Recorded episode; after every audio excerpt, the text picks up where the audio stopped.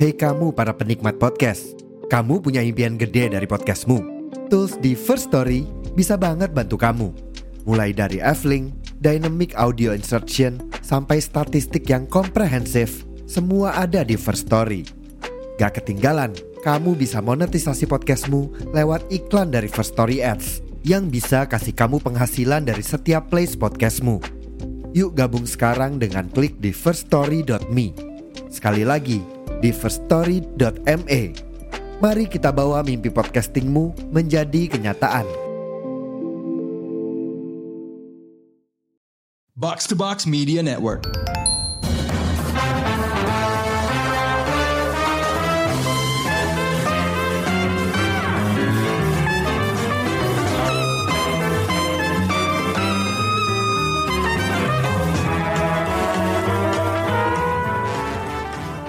Pendengar Showbox, kita ketemu lagi di sebuah review film Thailand yang lagi main di bioskop sekarang ini, yaitu Not Friends. Film ini adalah salah satu karya rumah produksi GDH 559 yang merupakan inkarnasi terbaru dari rumah produksi Thailand yang ngetop banget zaman dulu GTH. Not Friends ini sebenarnya udah dirilis sejak tahun 2023 kemarin, tapi baru di awal 2024 ini akhirnya masuk ke Indonesia.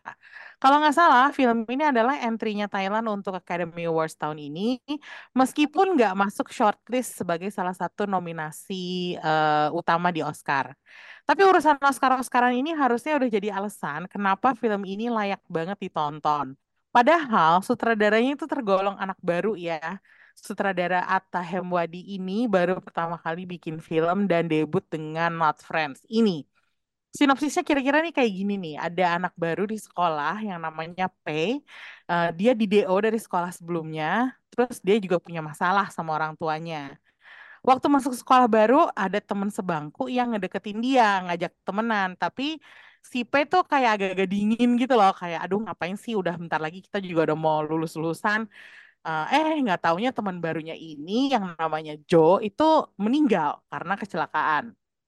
Setelah itu ada kontes bikin film dan si P uh, punya ide untuk ikut kontesnya dengan hadiah bisa masuk kuliah jurusan film. Dan tiba-tiba si P ini mau memanfaatin kenangan Joe sebagai subjek filmnya. Padahal mereka tuh nggak deket.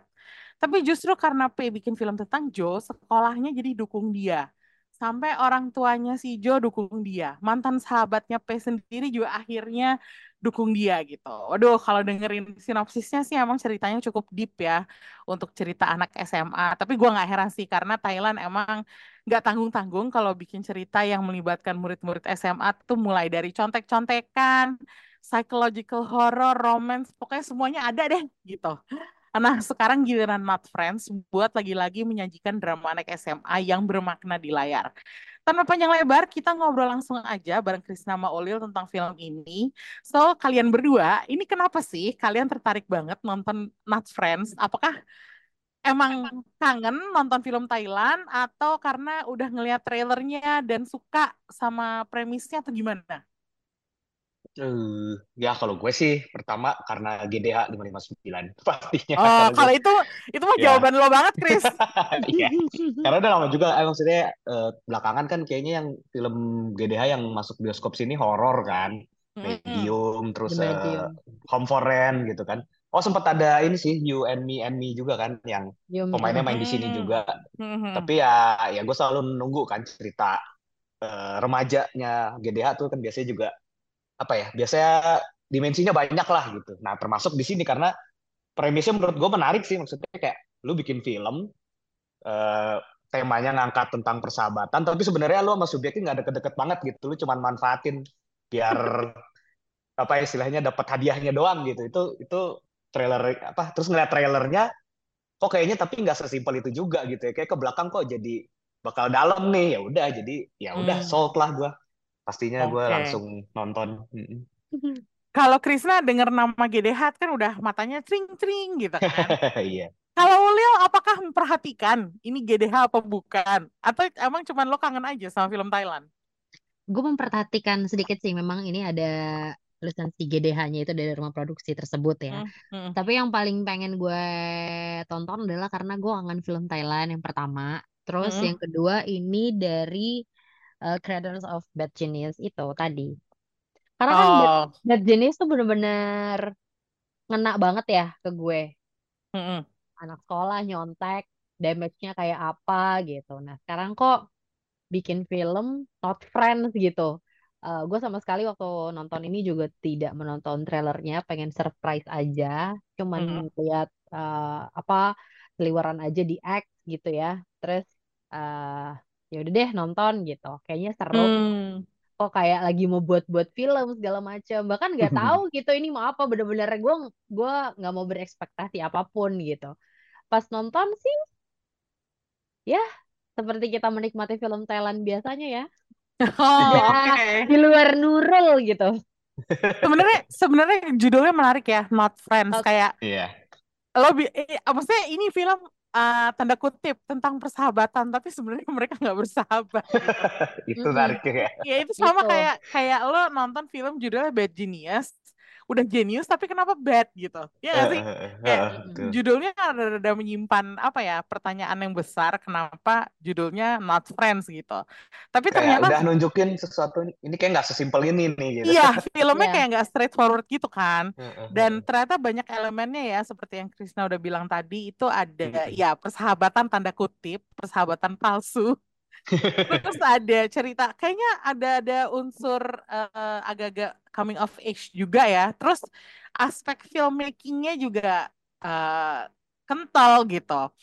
Setelah nonton, menurut lo bagian mana yang paling berhasil dan mana yang paling lo suka dari film ini? Hmm, kalau gue sih, tet- eh, ya karena ini temanya kayak tadi udah dibilang persahabatan gitu ya. Hmm. Jadi emang itu sih yang paling menonjol tetap buat gue persahabatan. Karena apa ya, di sini diba- menurut gue tuh dibangunnya solid gitu. Kayak apa ya, Hmm. maksudnya eh, nggak langsung temenan gitu istilahnya. Kayak dia sama eh, temen-temennya yang bantuin bikin film ini gitu, si Payet dan temen-temennya gitu. Hmm. Itu nggak dari awal akrab, semua ada progresnya gitu. Kenapa mereka makin deket, makin deket sampai akhirnya bersahabat tuh gue suka progresnya gitu. Begitu juga cerita dia sama Joe gitu yang ya ternyata nggak sesimpel itu juga tuh semua kayak eh, apa ya? Ada apa ya? Ada progresnya, ada naik turunnya, terus Mm-mm. ada yang gue suka juga ada sisi insecure-nya juga kayak apa ya? Kadang mereka ragu sama persahabatannya sendiri kan Hmm. kayak dia nganggap gue teman gak sih? Apa gue doang yang nganggap dia teman kayak gitu-gitu. Terus kayak dan Hmm. dialog-dialognya yang apa ya terjadi di antara mereka tuh juga apa ya? Ya layaknya anak sekolah kayak pas lagi jam istirahat, pas lagi jam olahraga gitu. Itu kan momen-momen yang sederhana gitu ya. Tapi menurut gua sih isinya tuh tetap dalam gitu. Terus terasa apa ya? Deket dan nyata juga gitu. Kita kayak pernah ngerasain momen-momen itu gitu. Mungkin pas sekolah gitu kan. Itu sih menurut gua tetap emang persahabatannya yang paling menonjol lah, paling berhasil lah di film ini. Oke. Lo Mm-mm. setuju atau enggak? Atau gimana? Ada elemen lain yang lebih lo suka? Uh, gue setuju sama Krisna di mana progres persahabatannya yang paling kuat gitu apalagi pas di ending tuh bener-bener closure-nya tuh puas banget sih Hmm, betul. mengikuti uh, grafik pertemanan mereka ya Iya. iya jadi grafik bener tuh bener-bener istilahnya ya. iya kayak uh, apa namanya dari anak baru nggak kenal siapa-siapa uh, lempeng aja tiba-tiba dalam satu bulan ternyata lo punya cerita yang sedalam itu dan punya connection um, konflik konflik-konflik uh, anak SMA banget lah gitu kayak Hmm. tapi di ending oh bisa sedewasa ini dan semengharukan ini ya gitu. Oh, oke. Tapi semua elemen itu seimbang, porsinya pas. Atau justru ada satu yang lebih berat daripada yang lainnya? Ya, menurut ya kalau menurut gue ya sih karena apa ya inti film ini emang tentang persahabatan. Jadi Mm-mm. bagian persahabatan itu yang memang lebih menonjol gitu ya dibanding si misalnya filmmakingnya atau uh, coming of age itu ya coming of age bagian dari persahabatan itu juga kan. Eh, ya memang menonjol dan menurut gue emang gitu harusnya karena film ini memang tentang itu gitu ya.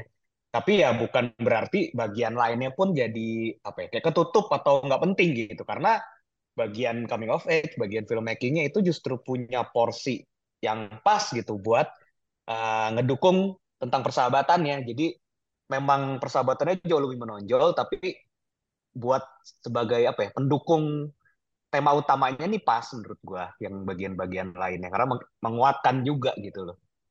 Hmm, oke. Okay. Berarti Mm-mm. Justru bagian-bagian lainnya itu mendukung cerita utama ya dan enggak yeah. apa ya, bukannya jadinya distracting gitu. Iya, betul. Mm-hmm. Memang porsinya tidak sebesar persahabatan ya jelas gitu ya. Tapi ya itu mendukung itu, itu semua gitu ke situ. Dan komplit hmm. tim menurut gue, nggak ada yang salah satu di antara itu tuh nggak ada yang bikin lo kok bisa gini kenapa harus gitu gitu nggak sih menurutku ya hmm. oh oke okay. selaras gitu semuanya pas oh oke okay. karena alurnya juga pas gitu ya enak gitu ya mm -mm. Mm -mm. walaupun di awal kita itu dibikin agak mikir ya Iya. Maksudnya dibikin agak mikir tuh gimana? Kayak ada cerita flashbacknya sedikit, kenapa nih bisa kayak gini. Cuma lama-lama, hmm. oh ini maunya kayak gini toh kenapa kenapa di awalnya jadi kayak kerasa berat banget gitu karena kan memang dikasih tahu struggle-nya dia mau bikin film temen dekatnya tapi dia mau mengaku itu temen dekatnya gitu kan dengan banyak konflik di awal dan segala macam tuh kayak hmm. kok berat ya ini mau ke mana ya gitu sempat sempat gitu sempat gitu cuman Hmm. Oh iya iya iya iya. Oh iya paham paham paham kita. Setelah apa ya? Setelah apa? Karena banyak flashback juga ya. Si Joe iya, ini kan banyak munculnya lewat flashback. Nah, lewat flashback flashback ini juga penting gitu loh buat bikin kita lebih kenal sama bukan sama si Joe-nya doang tapi sama sama P-nya juga ya. sama semuanya. mereka gitu. Sahabat-sahabatnya.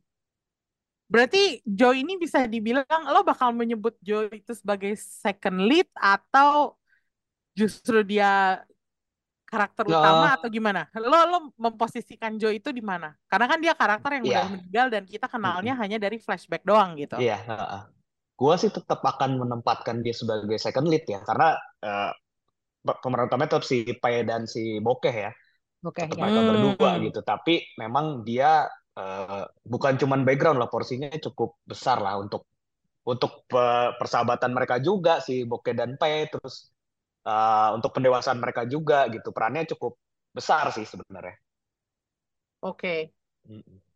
Jadi nggak bisa diremehkan juga ya meskipun kita mm hanya ngeliat dia dari flashback doang gitu. Walaupun baru mulai udah meninggal. iya iya bener. Hmm, Oke. Okay. Um, sekarang gimana sisi emosinya Chris? Kayak apa ya? Nah. Ini kan film tadi yeah, lo yeah. bilang ini ada orang yang udah meninggal terus tapi dia dimanfaatin gitu gue gue nangkep kesan bahwa si P-nya ini sebenarnya kayak tadinya dia tuh nggak nggak apa ya mm, bukan karakter yang simpatik gitu meskipun ya kita tahu sulit kenapa lo cepet yeah. banget setujunya Lil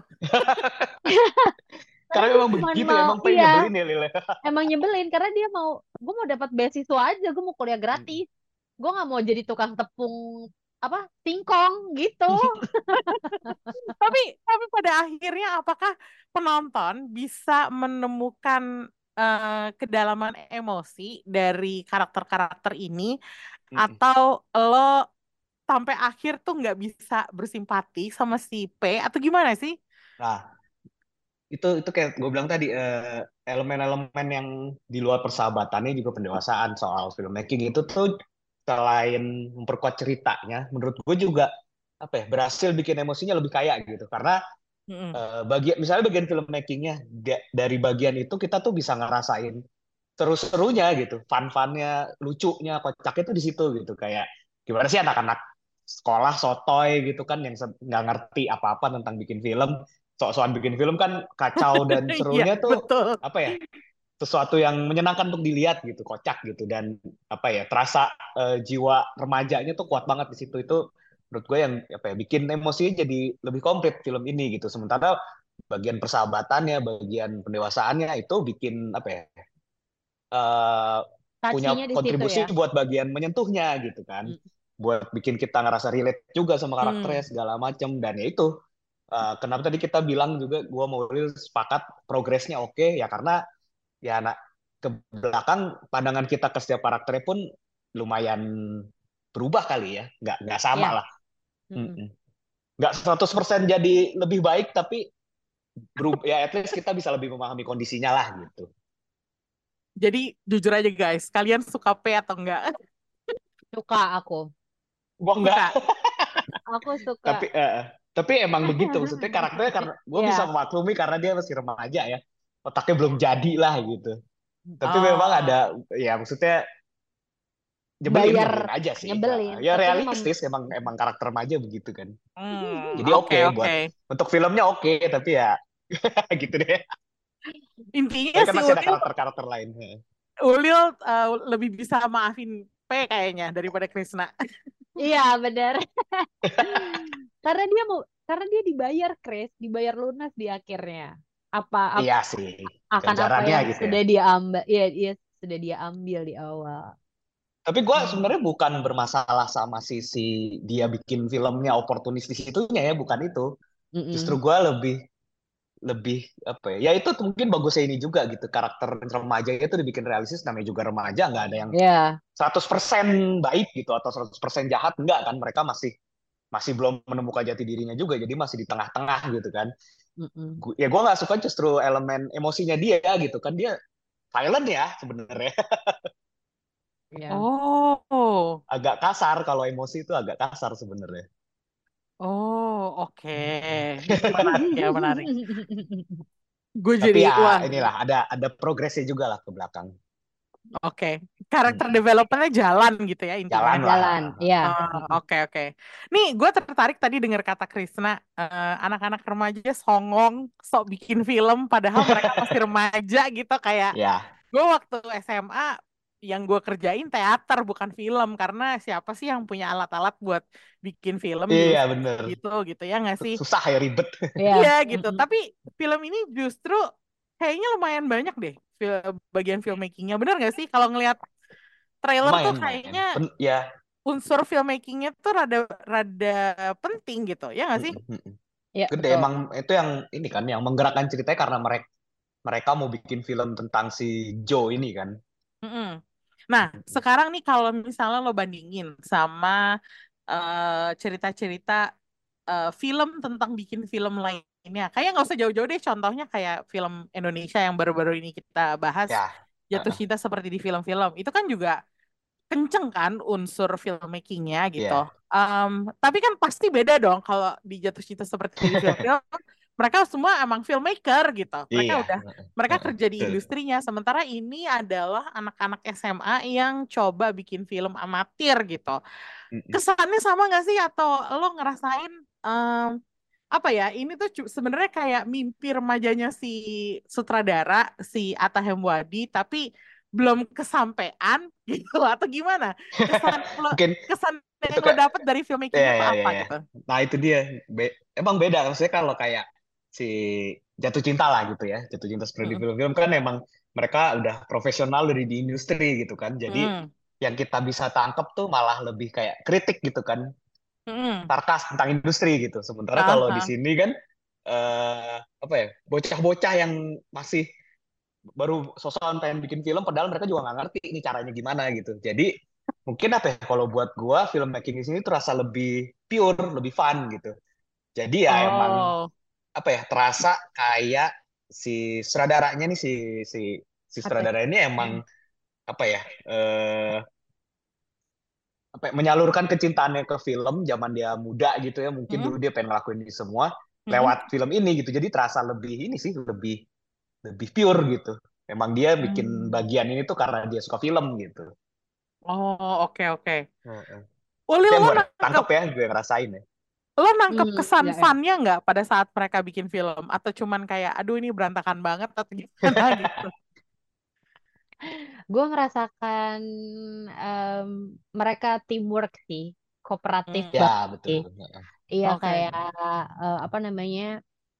eh, ada satu momen akhirnya di mereka disuruh akhirnya setuju tuh bikin film tentang Joe gitu ya. Hmm. Dan akhirnya finally mereka dapat adalah ekskul film gitu di sekolah terus akhirnya dapat iMac. Jadi kayak dibeliin iMac sama sekolahannya dibeliin iMac Oh, oh my God, so generous. iya padahal sebelum sebelum kepikiran untuk bikin eh, film Joe ini mereka udah minta iMac tapi nggak dikasih kasih gitu. Cuman karena Oh, ngebikin ngebikin film buat Joe, ya sisi humanismenya juga ada gitu. Ya udah ada, ada tuh iMac gitu ya. Tapi kayak terus ini ya apa sebenarnya awalnya mereka bete kan anjing giran lu dikasih gitu Iya. tapi terus diajakin ya udah lu bantuin deh syaratnya apa tapi lu apa kalau lu mau megang ikut megang iMac ini lu Lo bantuin kita mesti, gitu terus kayak iya. Oke oke, gue ikut, gue ikut, gue gitu. oke gue ikut yang penting gue bisa uh, pakai Mac ini iMac. Heeh.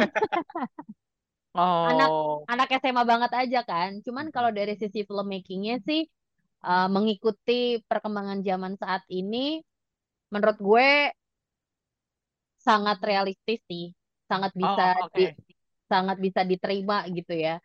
Uh, kayak ya da- dari alat-alatnya dan dari konsep cerita dari scene by scene yang diceritakan tentang si Joe ini emang pikiran anak SMA banget aja gitu yang kacrut gitu yang ngasal ngasal banget gitu kayak yang penting kayaknya nyambung deh ngomongin ini sama ini gitu. Bahkan mereka menerjemahkan eh, apa namanya eh, skrip ke dalam storyboard aja tuh ini gimana ya bagusnya ya? Ini menurut lo gimana? Ini kayaknya sekarang bagian lo deh yang nentuin lo mau dibuat kayak apa kayak gitu gitu. Tapi kekacrutan anak-anak ini tuh jadi lucu dan oh iya ya. Oh iya bisa kayak gini ya gitu. Dan Iya, kita bisa ngeliat mereka justru jadi kreatif ya. Jadi kreatif. Jadi kayak ya anak zaman sekarang emang udah kayak gini sih Jo tapi iya ya benar anak sekarang emang sepinter itu juga sih ya kreatif juga iya sih iya mungkin zaman gue masih pakai handycam kali ya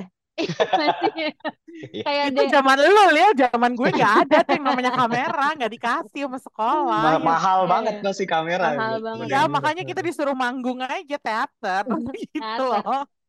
mungkin Kayak, kayak punya DSLR zaman gue tuh udah sebuah privilege gitu nah Iya. ya jadi kalau melihat mereka sekarang kayak gitu oh ya oh ya ya udahlah gitu privilege anak 2000-an gitu Karena ini karena si yang cewek si siapa namanya kok gue lupa. bokeh Bokeh kan ini maknya DOP jadi punya kamera bisa dipinjem. Oh, benar ada benar karakter itu ya. Harus ada Iya. karakter itu juga ya, karakter yang punya koneksi ke industri gitu, baru bisa dapat Iya. alat-alat yang benar bagus gitu. Kan dia ngeklaim ketolong dirinya lahir sambil megang kamera. iya ketolong ketolongnya di situ Aduh, kalau gue dengerin dari tadi tuh kayaknya bagian filmmakingnya emang jadinya jadi apa ya? Jadi alat buat nunjukin sisi keremajaan mereka yang pol-polan banget gitu. Iya, Ya nggak sih? Ya, terabas sana, terabas sini tapi yang iya. jadi gitu. Heeh. Heeh. Mm. Oke, Kayak nih, lucu ah, ada yang lucu mereka berusaha merekonstruksi scene Niro, scene-nya Tenet kan ribet ya. astaga.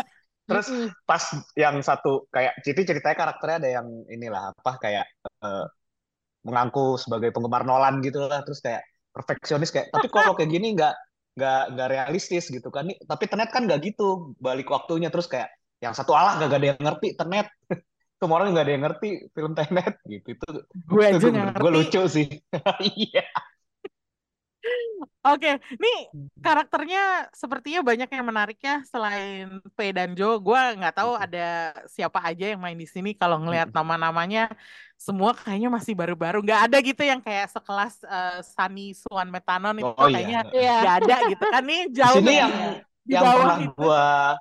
Lihat sebelumnya Hah? cuman si pemerannya Bokeh kan dia sebelumnya main di and Me kan Oh, Mm-mm. oke. Tapi yang lainnya gue juga nggak ada yang familiar sama sekali.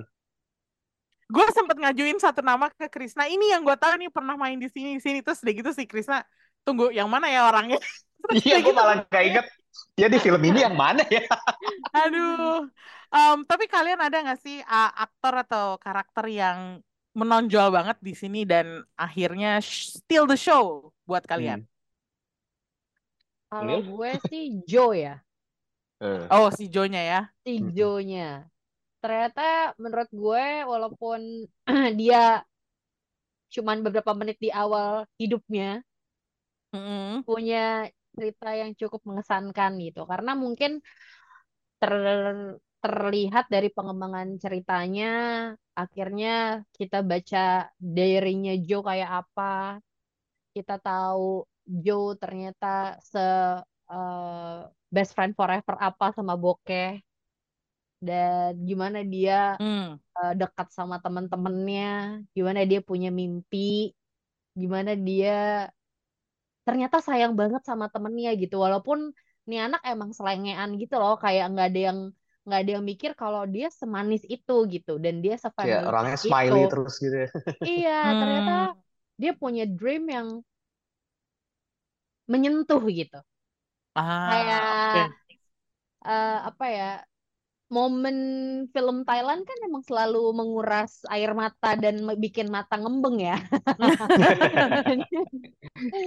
jadi Dramatis. tuh dramatis gitu terus kayak gue ketika baca diary-nya Jo waktu di awal ngembeng di tengah-tengah ngembeng gitu. Oh, perlakuan teman-temannya sama si Jo ngembeng perjalanan cintanya si Jo juga ngembeng gitu. Kayak Iya lagi, bener. manis manis waduh. banget. Jadi kayak emang dia tuh gimana ya mungkin dia nggak nggak tipe yang periang kayak semua orang ngerumunin. Ya enggak cuman dia lovable gitu dan dia kayak punya belief gue bisa ini nih gitu. Terus kayak kejadian gitu loh kayak gue mau ini nih terus kejadian gitu kayak Oke.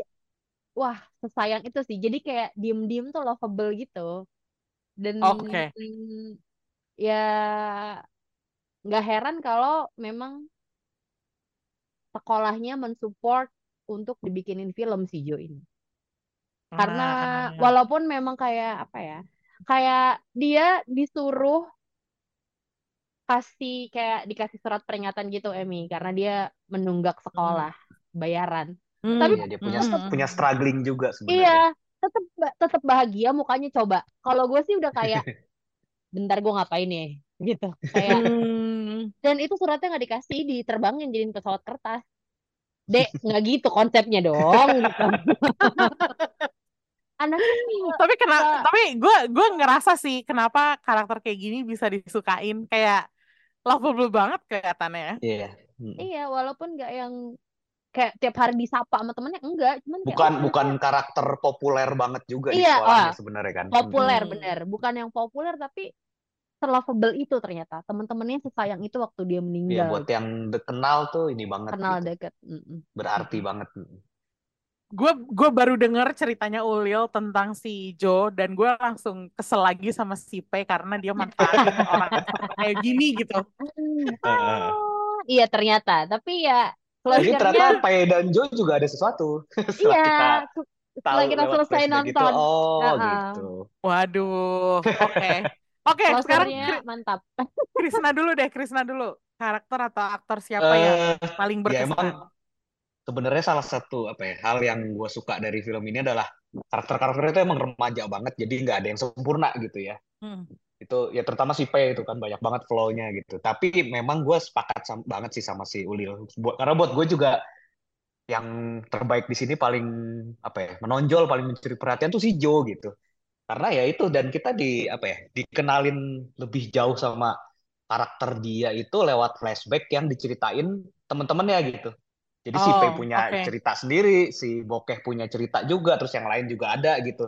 Hmm. ceweknya juga ada gitu segala macam nah itu ya. apa ya efektif juga buat kita makin kenal sama karakternya. Terus ternyata lapisannya dia juga banyak gitu ya di luar sisi lovable positifnya ternyata dia juga punya struggling itu. Jadi emang dimensinya juga banyak gitu. Dia soal ekonomi itu tadi yang Hmm. tertunggak terus ternyata dia juga pernah punya apa ya punya kemarahan juga ternyata dia bisa marah juga sama si Bokeh gitu kan segala macam Heeh, masa sahabatnya jadi Hmm. ya emang menarik banget gitu. Gua bisa ngerti kenapa walaupun dia apa ya eh, hidupnya pendek, cuman di durasi awal terus dia meninggal Iya. gitu ya. Hmm. Tapi tapi tetap dia, itu ya eh, eh, tetap tapi Kita tetap dia sayang. yang menggerakkan film ini gitu. Semua Oke. karakter-karakter utamanya tuh eh, bergerak menjadi cerita itu karena Joe gitu. Dan itu harus kuat kan karakter kayak- biar bisa menggerakkan cerita kayak gitu kan. Dan itu ada di Joe gitu. Oke. Pad- Padahal seperti yang kita tadi diskusiin, dia he's not alive ya. Dia nggak hidup Iya. Iya, gitu itu dia. iya sepanjang iya, film iya. gitu. Mm-mm. tapi Aduh, pas berarti terakhir nah, pas terakhir lo bener-bener dia tuh hidup banget sih Emi oke. jadi kayak ada dua film yang akhirnya dibuat sama si Pei ini dan. The Real yang buat Joe itu yang bener-bener bikin gila sih. Ah, ngembeng ya. Wah, ngembeng, ngembeng nggak bisa, nggak bisa gitu ceritanya, oi Iya. gitu. Bener-bener Oke. di-create gitu loh. Masa Hmm. depannya udah di-create dan kayak anjrit lah, kok bisa kepikiran anak SMA ini, anak SMA loh, Anak SMA, iya. Iya. Nih berarti imajinasi si penulisnya lumayan gila juga ya. Maksudnya ini kan kalau nggak salah yang nulis sutradaranya sendiri ya Chris si Atta Atta. Hemwadi ini. Mm-mm, Ha. mm-mm. Maksudnya sepertinya untuk sebuah debut karya per- perdana ini tuh advance banget gitu. Bisa bikin Iya. cerita yang yang kayak gini gitu, Mm-mm. yang lumayan deep gitu ya Mm-mm. dan penuh elemen dan penuh apa ya yang tadi kalian udah ceritain emosi ya ya ketawa ketawa ya masa masa muda masa remaja gitu. Eh, potensi si sutradara ini tuh gimana apakah dia bakal jadi nama baru yang besar di GDH atau Mm-mm. gimana Eh, yang pasti gue yakin dia akan kayaknya bakal jadi the next langganannya GDH ya kayak Banjong gitu kayak Nah, Nawapol kayaknya dia bakal jadi the next ya nih karena eh ya film apa ya si Not Friends nih ada di standarnya film remaja GDH banget gitu loh maksud gue. Oke. ya secara semuanya tuh komplit. Kualitas produksinya juga bagus gitu di luar ceritanya dan elemen-elemen tadi yang udah kita bahas kualitas produksinya juga bagus gitu. Ketika dia nunjukin proses filmmaking itu kayak digarapnya tuh se apa ya kita bisa ngeliat itu sangat SMA sangat asal-asalan tapi dari sisi filmmakingnya itu berarti si sutradara ini udah nyiapin itu secara uh, utuh banget gitu. Makanya kita bisa ngerasain itu. Jadi ya gua rasa sih yang ya nggak tahu dia apakah bisa menjadi salah satu sutradara besar di Thailand gitu ya tapi yang pasti nextnya dia kayaknya bakal GDH lagi sih. Oke. Entah dengan genre yang mana gitu ya kayaknya sih genrenya bakal berubah lagi sih kalau Iya, biasanya gitu sih soalnya kayak nggak mungkin Thailand dia tuh bikin kadang-kadang remaja iya lagi ya Iya kadang-kadang sutradara Thailand tuh unexpected gitu. Kayak Wah, iya lagi bener. Mm-mm. iya Kalau bikin kan? horor gitu Iya bisa karya-karyanya tuh ntar bisa yang tadinya bikin cerita remaja terus tiba-tiba banting setir jadi bikin cerita apa gitu kan. Mm-mm. Mm-mm. Kayak waduh kalau ngomongin Thailand sih banyak hal-hal unexpected sih yang yang gue perhatiin ya. Iya. Em, tapi jujur deh, apakah Not Friends itu eh, film yang sefavorit lo sama kayak Bad Genius atau enggak? Atau di mana nih letaknya di antara film-film Thailand favorit lo? Kalau Ulil kan tadi di awal nonton karena Mm-mm. Bad Genius. Ini sekarang Mm-mm. Apakah levelnya sama kayak Bad Genius? Masih di bawah? Apa melampaui? Apa udah sejajar atau gimana? Hmm, kalau gue sih ini masih hmm, masih 10 besar lah ya. 10 besar. Kenapa? Ini 10 masih 10 besar. besar. Oh, 10 besar. Hmm. Tapi tapi nggak melampaui nggak melampaui Bad Genius. Enggak, kalau Bad Genius tuh emang genius banget. Oke, oke. Ya, Gue paham itu sih, kayak karena itu memang kayak up there gitu kalau si ya. Bad Genius gitu. Tapi kayaknya kalau dibandingin karya, gue nggak tahu ya, gue juga nggak banyak nonton karya-karya remaja. Gue lebih sering nonton horor kalau di Thailand um, atau thriller gitu. Jadi gue penasaran aja ini ada ada posisi di mana nih sebenarnya film Mm-mm. ini gitu. ya, ya. Kalau heeh. Kalau gue sih mungkin kalau dia kalau gue di, di, di ini aja lah ya di antara film-film GDH gitu ya.